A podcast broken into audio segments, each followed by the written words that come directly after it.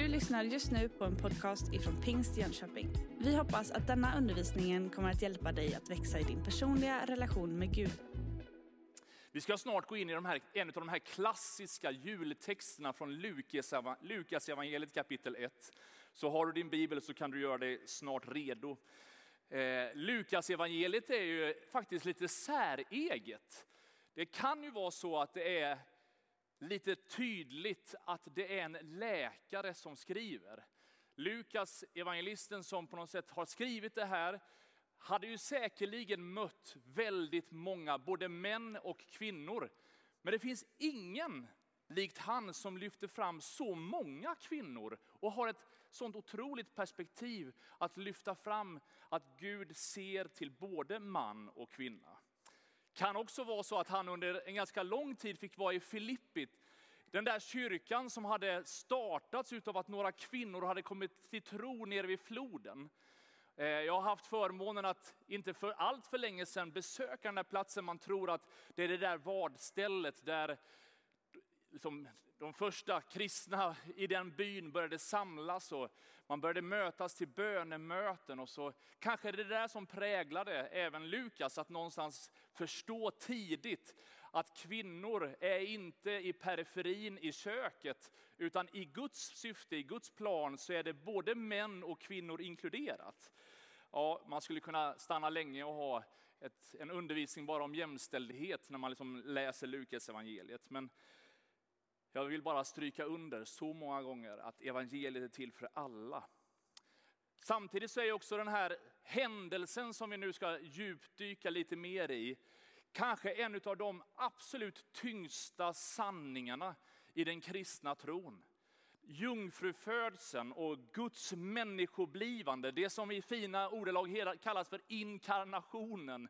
Gud av evighet väljer att bli människa och att han är fullt ut mänsklig och fullt ut gudomlig och syndfri och alltihop det där. Hans fullhet är så intimt förkopplat med den här händelsen. Kanske är det därför som den så många gånger debatteras, så många gånger försöker desikeras för att någonstans se, håller det här, står det fast? Johannes evangeliet talar tydligt ut hur Gud av evighet redan fanns med från begynnelsen. Han talar om att genom ett ord blev hela världen till. Och så hur det där ordet fortsatte att verka. Och så kommer han i sitt första kapitel till den fjortonde versen. När han säger att ordet blev kött. Gud blev människa. Och det är det här vi ska titta lite mer på. I inledningen till den här kapitlet så är det dessutom ängeln Gabriel som vi såg här i den här fantastiska julevangelietexten som kommer till Maria. Och Galileen och Nasaret, bara, det, är liksom, det är ju bibliska platser, men bara för att du ska få oss att förstå, så är det mänskligt sett en plats som har förlorat allt utav flärd. Allt utav det där gudomlig status och bara wow, här, vi har det. Det är inte det som är förknippat med den här platsen.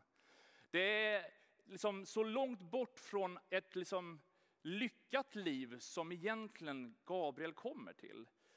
Det är ett Guds folk som har övergivit Gud. Det verkar som att alla de där löftena som Gamla Testamentet talar om, att man är långt bort ifrån det.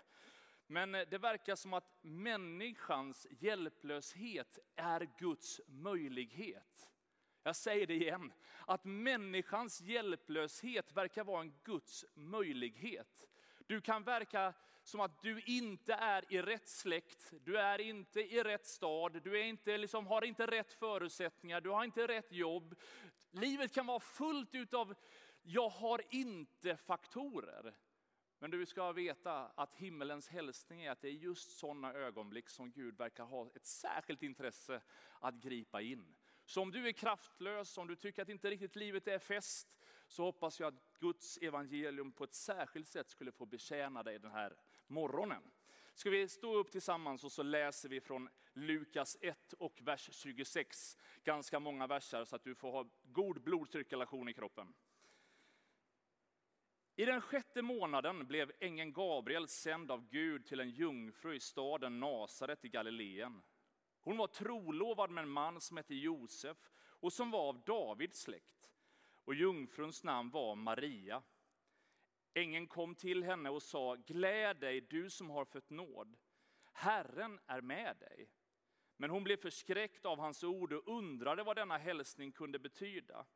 Då sa ängeln till henne, var inte rädd Maria, du har funnit nåd hos Gud. Du ska bli havande och föda en son och du ska ge honom namnet Jesus. Han ska bli stor och kallas den högste son och Herren Gud ska ge honom hans namn fader Davids tron. Han ska vara kung över Jakobs hus för evigt och hans rike ska aldrig ta slut. Då sa Maria till ängeln, hur ska detta ske? Jag har ju inte haft någon man. Ängeln svarade henne, den helige ande ska komma över dig och den högstes kraft ska vila över dig. Därför ska barnet som föds kallas heligt och Guds son. Och din släkting Elisabet är också havande med en son på sin ålderdom. Hon som kallades ofruktsam är nu i sjätte månaden, för ingenting är omöjligt för Gud. Maria sa, jag är Herrens tjänarinna. Låt det ske med mig som du har sagt. Ska vi be tillsammans. Herre, jag tackar dig för förmånen att få läsa ditt ord. Tackar dig för att ditt ord är levande och verksamt, så varje gång vi läser det så gör det någonting med oss. Och Herre, jag tackar dig för att texten kan få bli en röst jag tackar dig för att du kan få tala ditt ord in i våra liv. Herre, jag ber att vi skulle få lära känna dig, vi skulle få närma oss dig, att vi skulle få vandra mer i likhet utav det som du har tänkt för oss. Herre, jag ber för varenda en som är i det här rummet, alla som följer den här gudstjänsten via media på annat sätt, Herre. Tack för att du skulle få tala liv in i våra liv. Herre, ge oss det som vi behöver och det som du har tänkt. I Jesu namn. Amen. Varsågod och sitt ner. När väl ängeln Gabriel kliver in i Marias rum så säger han precis det som så många gånger han har gjort förut. Det är inte första gången Gabriel kommer till jorden. Det är inte första gången en ängel kommer till jorden. Det är inte första gången som Gud talar till människan. Men det är väldigt vanligt att de får börja med att bara lugna ner situationen och tala, var inte rädd. Det verkar som om att vi som människor har så otroligt lätt att gripas utav fruktan. Till och med när Gud försöker tala in i vårt liv så verkar vårat, liksom, våran respons ibland bli lite så här, nej men oj, oj, det här var jag inte beredd på och det här är jag lite nervös för. Och så tar vi ett steg tillbaka. Frukta inte, var inte rädd. Det är ju ett återkommande tema i hela den bibliska historien. Jag vet inte hur ofta du är rädd. Är du sådär som blir rädd för allt möjligt? Lättskrämd? Jag är född med någon form av retsam gen i min kropp. Jag vet inte om det kommer från min mammas sida eller från min pappas sida. Men någonting i mig på något sätt kommer jag inte ifrån. Hur jag än försöker uppfostras av min fru så, för, så, har jag så lätt för att reta mina barn. Och de är oerhört lättskrämda så det är väldigt roligt. Eh. Men du vet rädsla, fruktan. Det är ju liksom ibland ganska lätt att liksom klä i, liksom, jag är rädd för det här, jag tycker det är otrevligt med spindlar eller jag tycker det är otrevligt med det här. Men den här ängslan, oron är lite svårare att sätta fingret på och greppa. När man är förälder så kan man vara orolig för sina barn. Man kan vara orolig för sina åldrande föräldrar. Man kan vara orolig för sin arbetssituation med tanke på allt vad som händer i världen. Man kan vara orolig för klimatet. Man kan vara, ja, det kan vara ängslan för så många olika saker. Det kan ju också vara en osäkerhet. Vem är jag? Hur ska jag hantera den här? Hur ska jag klara detta? Det verkar som att den där ängslan gnager ganska friskt, inte bara i en ung generation som just nu är hårt drabbad av psykisk ohälsa, utan även vi vuxna brukar ibland ha svårt att någonstans se, vem är jag? Hur ska jag hantera alla röster? Allting som sägs, allting som händer, hur ska jag agera i det? De här senaste veckorna när man har kommit med covidpassrestriktioner och avståndsrestriktioner så skulle jag kunna ge dig lite utklipp från min mailbox och så skulle du inse att jag rör mig i lite olika världar beroende på vems mail jag läser. Och någonstans ska vi navigera i det där utav alla tänkbara varianter utav åsikter och tankar. Och livet kan vara fullt utav, gör jag rätt nu? Kan, kan jag göra så här? Ska jag göra så här? O, om du kunde känna att du behöver inte ha på dig ängslans rock, utan du kan få lägga av dig den och känna bara, åh, jag är inte rädd. Jag får vara trygg. Och så fortsätter ängeln och säger, gläd dig, du har funnit nåd hos Gud. Herren är med dig. Det här sägs till en ung tjej, kanske någonstans i 14-årsåldern. När man själv har tonåringar i den här åldern så är hela den här texten ännu mer provocerande. Vad skulle hända? Fall liksom mina barn kom hem och sa, jag har varit på Unite och helig ande kom över mig och nu är jag gravid. Oh, det... Nej, vi tar inte den bilden för långt. Men Gud välsigna Unite. Men tjänst i Guds rike är aldrig ett diplom utav lång och trogen tjänst. Det är nåd att få tjäna. Att vara utvald utav Gud, inte för att du är bättre än andra, utan det är nåd. Och när du har fått nåd från Gud, när du fattar att det inte är på din egen liksom, prestation som du är älskad, ja men då känner du bara, wow, jag kan ju inte vara annat än glad. Lovprisning är inte speciellt svårt när jag fattar hur stor Gud är, men också hur nådefull han är som trots sin storhet älskar en sån som mig. Han som vet alla mina skuggsidor, han som vet alla mina retsamma beteenden, han som vet till och med de saker som jag inte ens fattar är synd. Och ändå så möter han mig med kärlek. Hans tilltal är, var inte rädd, gläd dig, du har funnit nåd hos Gud.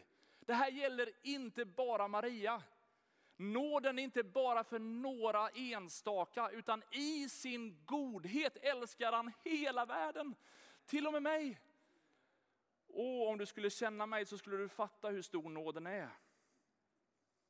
Det oerfarna, det ringa, är en Guds trädgård där, han, där det han planterar bär rik frukt. Jag vet inte vilken god människa som har formulerat detta, det var en anteckning i mina anteckningar, så jag har liksom aldrig riktigt greppat vem som sa det först. Men jag säger det igen, det oerfarna, det ringa, är en Guds trädgård där det han planterar bär rikt frukt. Det är nåd. Och så säger han, var inte rädd. Du gläd dig för du har funnit nåd hos Gud. Herren är med dig. Tänk om du kunde förstå att det begreppet handlar inte bara om någon slags skön känsla, vad gött, han är liksom här i hjärtat. Utan läser du det här lite noggrannare så förstår du att det här har med alla himmelska resurser att göra. Han har välsignat oss, säger Efesierbrevet 1, med all den himmelska världens andliga välsignelser. Och när han säger att Herren är med dig, så är det precis det. Allt som finns i himlen, allt det Gud är, är med dig. I det ligger det också ett otroligt starkt beskydd. Om Gud är för dig, vem kan då vara emot dig? Så när Herren säger, jag är med dig, så behöver du inte känna liksom så här, bara, det, det är bara lite mysigt här på hjärtat, eller så här på insidan.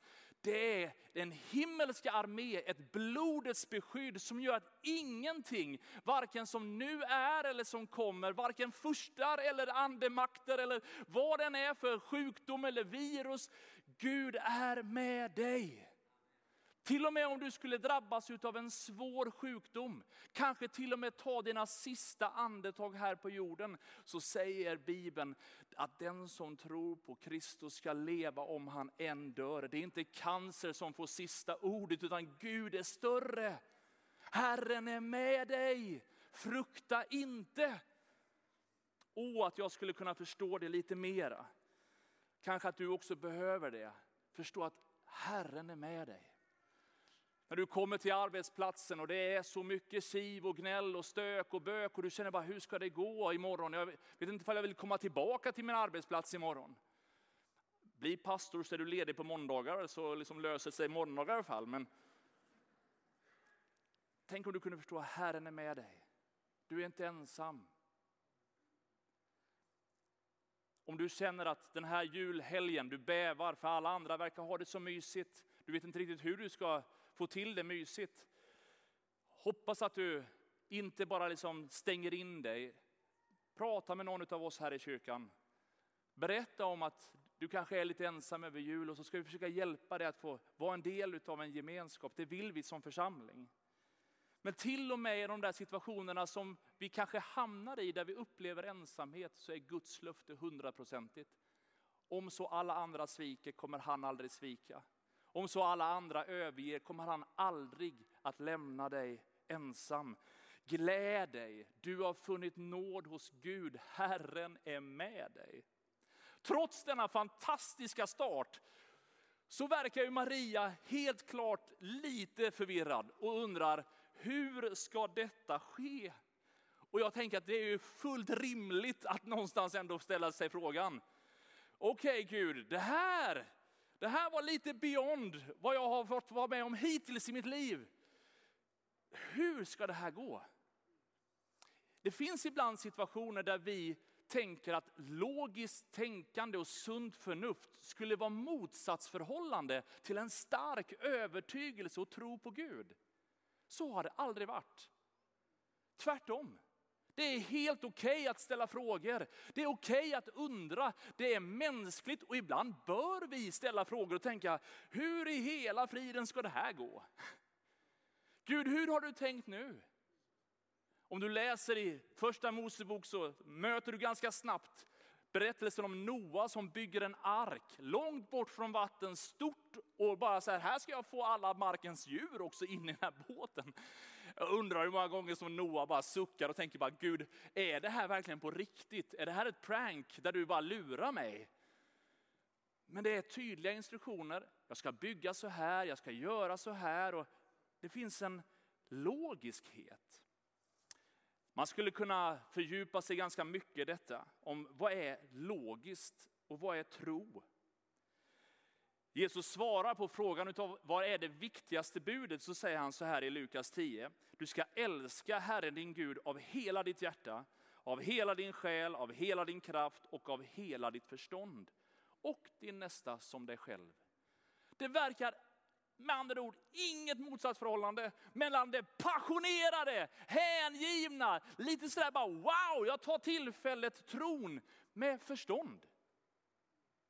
Vilket innebär att vi lever i en pandemi. Det finns massa restriktioner, vi måste hålla undan det här viruset. Det är inte motsatsförhållande till att tro på Gud och Guds beskydd.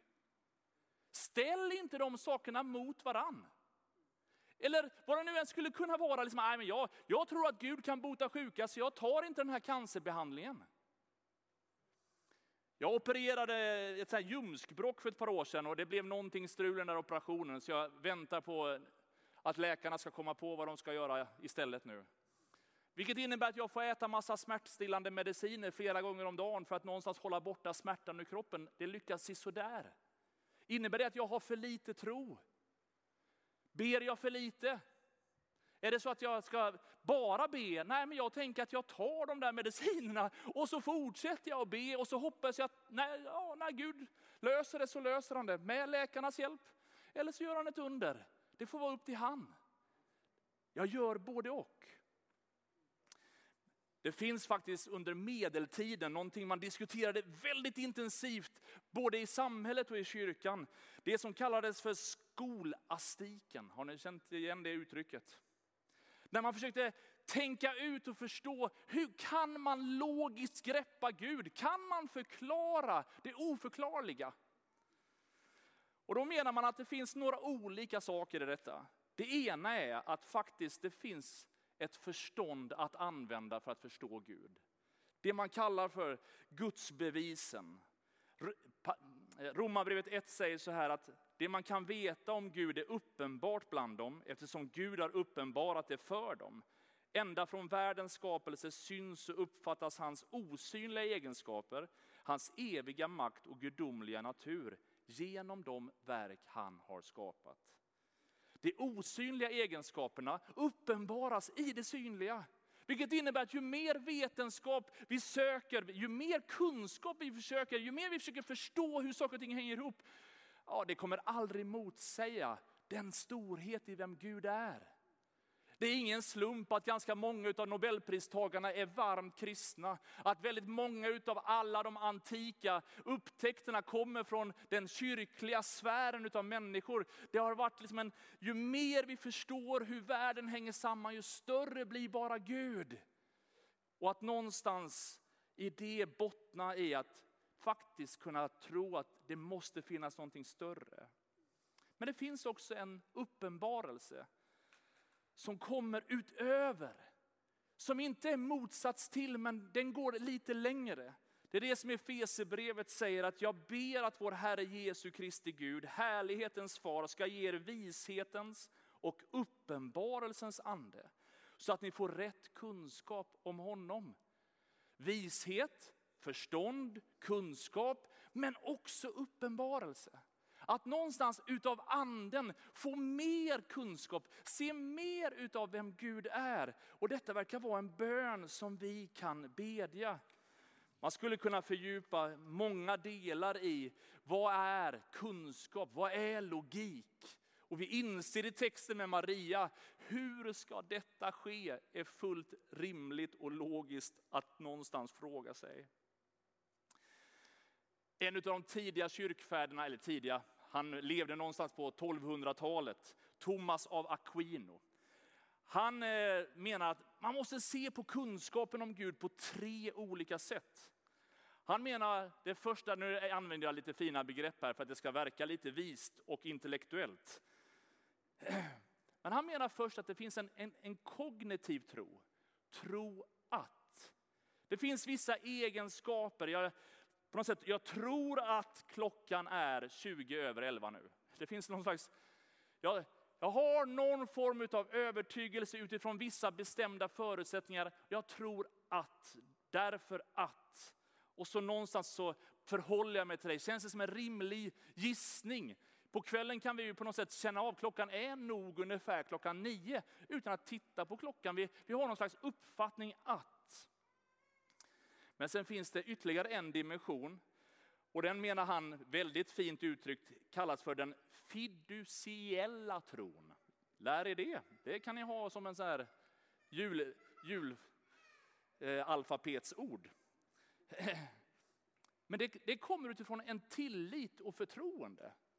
Att den som säger det är så pass trovärdig. Jag litar på den personen. Och därför så det som den säger håller jag för sant. Inte för att jag fullt ut begriper det, men för att personen som säger det är en sån person som jag litar till. En god vän som man på något sätt ser upp till, som man känner, ja men jag har genom åren lärt mig att det brukar vara som han eller hon säger. Och så är det någonting av en övertygelse. Men sen finns det den, det som Thomas av Aquino säger är den testimoniella tron. När jag själv har erfarit det, när jag själv på riktigt vet det, så är det inte bara en kunskap om någonting. Det är inte bara en tillit till den som säger det, utan jag har själv erfarit situationen. Och det är här vi som pingstvänner, vi går igång lite extra. För det här slår an helt i en pentekostal liksom, syn på anden och vikten av att personligt erfara Gud. Att inte bara läsa bibeltexterna, inte bara höra och förstå, inte bara på något sätt i tillit till de som säger eller till de som har skrivit det, utan att vi själva i erfarenheten av anden och Guds närvaro känner bara, jag vet att jag tror, jag tror att jag tror, jag vet att jag tror att jag, jag bara bär det här inom mig. Och att du och jag skulle kunna få erfara det. För det verkar vara det som gör att Maria så självklart kan svara på frågan. Löftet är inte till Maria, okej okay, du undrar hur det här ska ske ah, men du vet, jag kommer sätta dig på en kurs. Vi har liksom samlat ihop de bästa mammorna i hela världen Och så kommer du få gå liksom en intensivkurs nu i nio månader där du får veta precis om nattning, om amning, om alla grejer, hur du ska uppfostra. Och så ska du få den bästa mammakursen i världen. Och så ska du liksom göra det här och det här och det här och vi ger dig den här lönen. Hon får inga sådana garantier. Löftet till Maria är att den helige ande ska komma över dig och den högstes kraft ska vila över dig. Och jag skulle bara vilja uppmuntra dig att söka anden, söka Gud. Att någonstans i evangelietexterna under den här julhögtiden som vi nu ska fira, att någonstans bara säga Gud, låt den där kraften få vila över mig.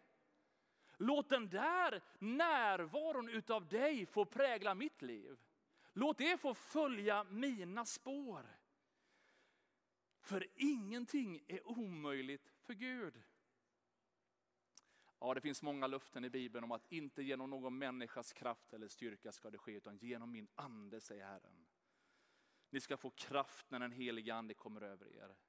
Det finns någonting som inte bara är mysigt, som inte är bara för vår frälsning i den meningen att vi någonstans får våra synder förlåtna och att någonstans få bli vän till Gud. Utan det finns ett liv med anden som är både spännande, ibland skrämmande, men som alltid leder oss rätt. Åh, om du skulle kunna få ta emot denna fantastiska gåva. Och så svarar Maria, utan att egentligen förstå allt. Men hon väljer att lita på honom och säger, låt det ske med mig som du har sagt. Min fråga till dig den här söndagen, om Gud den här julhögtiden skulle låta i en dröm likt Josef, likt en ängel som Gabriel, eller i bara andens stilla viskning, så som det har följt den kristna kyrkan i århundraden, börja tala till dig om ett nytt steg, om ett stort initiativ. Kanske är det så att Gud börjar liksom väcka en längtan av att få dela evangeliet lite tydligare med din granne. Kanske att han börjar ge dig någon slags hint om något initiativ där du kanske skulle ge en bibel till en arbetskamrat. Kanske att du skulle bjuda hem några vänner och säga, hörni, ska vi inte träffas regelbundet som en smågrupp och bara få be tillsammans? Gud kanske ger dig storslagna drömmar.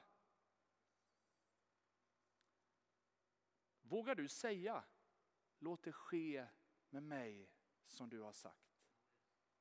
Om Gud skulle tala till oss som församling och ge oss en järv dröm likt den Noa fick om arken.